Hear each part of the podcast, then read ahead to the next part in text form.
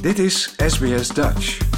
Op sbs.com.au slash Dutch staan nog meer interessante verhalen.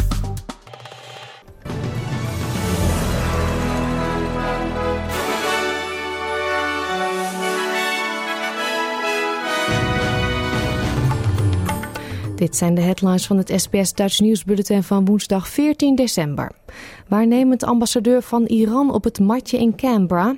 Ontwerp van laatste Australische munten met Queen Elizabeth erop vrijgegeven. En tweevoudig kampioen Argentinië plaatst zich voor finale WK voetbal.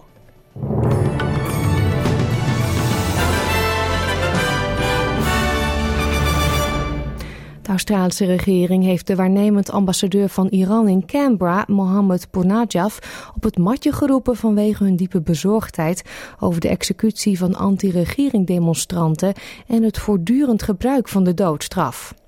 Volgens het persbureau van Human Rights Activists zijn sinds de massale protesten in september na de dood van Mashma Amini tenminste 488 demonstranten gedood en meer dan 18.000 mensen gearresteerd door veiligheidstroepen. Ook kwamen bij de protesten 62 beveiligers om. Het is de zesde keer dat de federale regering de ambassadeur bij zich roept sinds het begin van de protesten op 16 september. Advocaten van Brittany Higgins zeggen dat de voormalig liberaal staflid een schikking heeft getroffen met de federale regering in haar zaak over vermeende verkrachting binnen het parlementsgebouw. Het tweede strafproces tegen haar voormalige collega Bruce Lehrman werd onlangs gestaakt. Lehrman heeft de beschuldigingen altijd ontkend en pleitte onschuldig te zijn. Tijdens de civiele procedure benoemde Higgins senatoren Linda Reynolds en Michaelia Cash, evenals de federale regering. Uit gerechtelijke documenten blijkt dat Higgins de rechtszaak aanspande wegens seksuele intimidatie, discriminatie op grond van geslacht, discriminatie op grond van handicap, nalatigheid en slachtofferschap. Het schikkingsbedrag is niet bekend gemaakt. De Oekraïense president Volodymyr Zelensky heeft het Nieuw-Zeelandse parlement toegesproken en opgeroepen tot hulp om de oorlog tegen Rusland te winnen en de energiestabiliteit van Oekraïne te herstellen. Na Julia Gillard in 2011, destijds de premier van Australië, is Zelensky pas het tweede hoofd van een buitenlandse regering die het Nieuw-Zeelandse parlement toespreekt. Russische aanvallen op het energienet van Oekraïne hebben ervoor gezorgd dat miljoenen mensen zonder stroom zitten, terwijl het land te maken heeft met winterse temperaturen. President Zelensky zegt dat Oekraïne hulp nodig heeft bij het herstellen van de voedselzekerheid en bij de wederopbouw na de impact van de oorlog op het milieu. Maybe you've heard about the 10 points that can return peace to Ukraine. These are very transparent and logical points.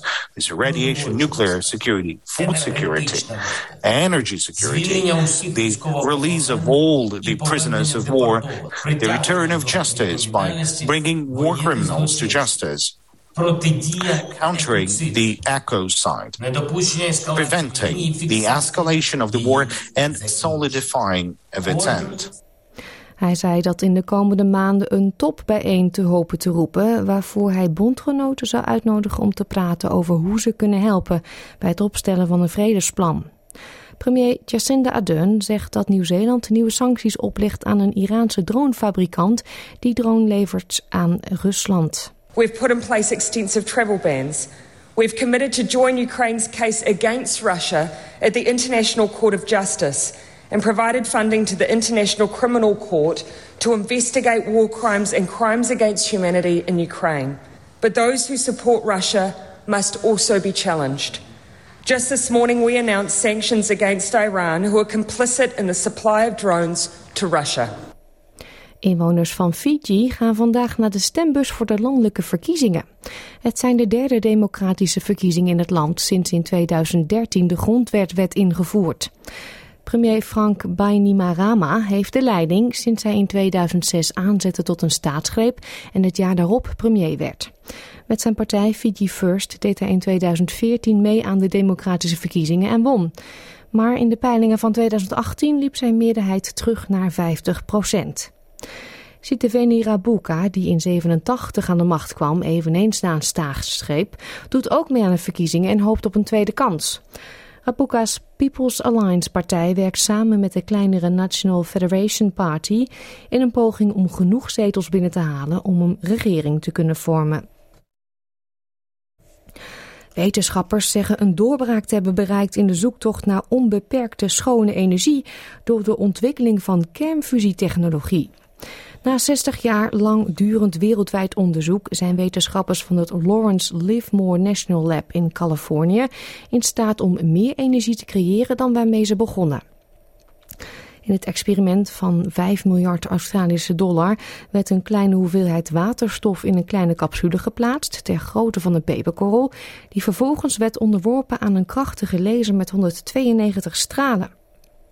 De temperatuur is heter dan het centrum van de zon en dwingt de capsule om op zichzelf te imploderen, waardoor de waterstofatomen gedwongen worden samen te smelten en energie vrij te maken. Het werd genoeg energie geproduceerd om ongeveer 10 liter water te koken. De Amerikaanse minister van Energie, Jennifer Granholm, noemt het een belangrijke mijlpaal. This milestone moves us one significant step closer to the possibility of zero carbon abundant fusion energy powering our society. De directeur van Lawrence Livermore zegt dat commercieel gebruik van de technologie, inclusief het aandrijven van huizen, nog een paar decennia op zich zal laten wachten. Bijna drie maanden na het overlijden van koningin Elizabeth heeft de Royal Australian Mint een laatste ontwerp vrijgegeven voor Australische munten met haar gezicht erop. Vanaf nieuwjaarsdag zullen de munten de 70-jarige regeringsperiode van de koningin belichten met de woorden Elizabeth II 1952-2022. Andrew Lee van Financiën zegt dat de munt een blijvend eerbetoon zal zijn aan de koningin en na zeven decennia dienst aan de natie en het gemene best. Sinds de troonbestijging in 1952 zijn er zes portretten van koningin Elizabeth verschenen op de achterkant van Australische munten. De nieuwe munten zullen worden verspreid terwijl de mint zich voorbereidt op de overgang naar munten met daarop de afbeelding van koning Charles III. Voetbal dan. Tweevoudig wereldkampioen Argentinië heeft voor de zesde keer de finale van het WK voetbal bereikt. Eerder vanmorgen versloegen de Argentijnen Kroatië met 3-0. Argentinië maakte het eerste doelpunt in de eerste helft en ook het tweede doelpunt in de eerste helft, waarna Lionel Messi in de 69ste minuut een derde doelpunt scoorde.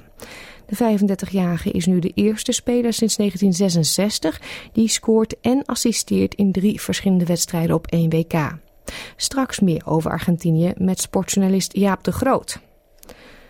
Het lijkt erop dat voetbalcoach Graham Arnold een nieuw contract aangeboden zou krijgen bij de Socceroos. Zijn vorige contract met Voetbal Australia liep tot en met het wereldkampioenschap in Qatar. En dit WK was voor Australië natuurlijk het meest succesvolle toernooi op wereldniveau tot nu toe. James Johnson, de baas van Voetbal Australia, heeft aangegeven geen andere potentiële kandidaten te benaderen totdat Arnold terugkeert van zijn vakantie in het Verenigd Koninkrijk. De wisselkoers dan. Voor 1 Australische dollar krijgt u 64 eurocent. En 1 euro is op dit moment 1,55 dollar waard.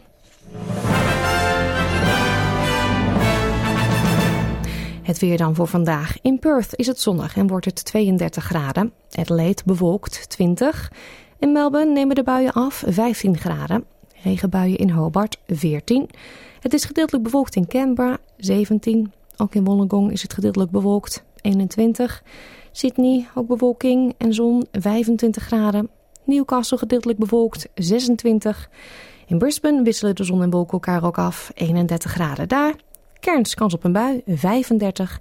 En in Darwin kans op een paar buien, mogelijk met onweer. En het wordt ook daar 35 graden. Dit was het SBS Dutch Nieuws.